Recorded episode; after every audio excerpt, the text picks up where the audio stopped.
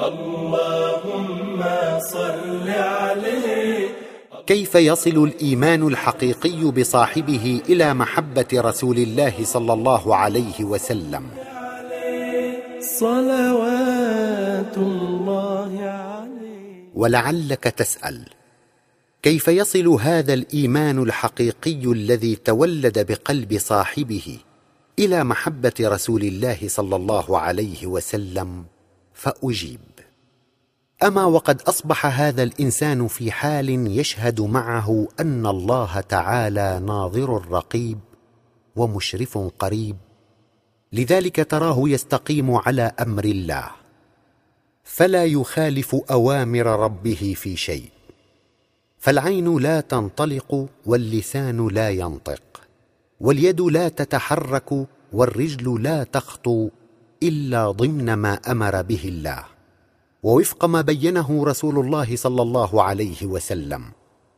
وقد أشار صلى الله عليه وسلم إلى ذلك بقوله الشريف لا يؤمن أحدكم حتى يكون هواه تبعا لما جئت به.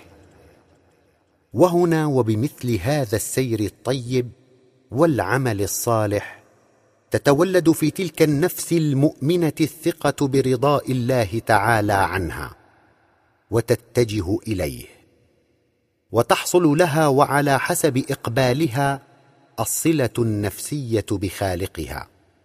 وبهذه الصلة تنمحي من النفس شوائبها وكدراتها وتطهر من أدرانها.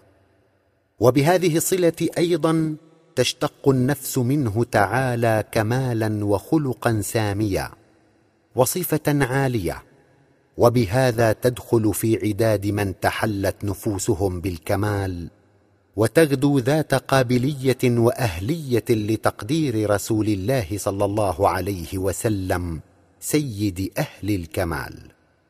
وهنالك تصلي الصلوات الخمس كما أمر الله بها. وتحصل على الفائدة المرجوة منها التي شرعت من أجلها. وإلى ذلك أشار صلى الله عليه وسلم حيث يقول أرأيتم لو أن نهرا بباب أحدكم يغتسل في كل يوم خمس مرات ما تقولون؟ ذلك يبقي من درنه؟ قالوا لا يبقي من درنه شيئا. قال فذلك مثل الصلوات الخمس يمحو الله بها الخطايا.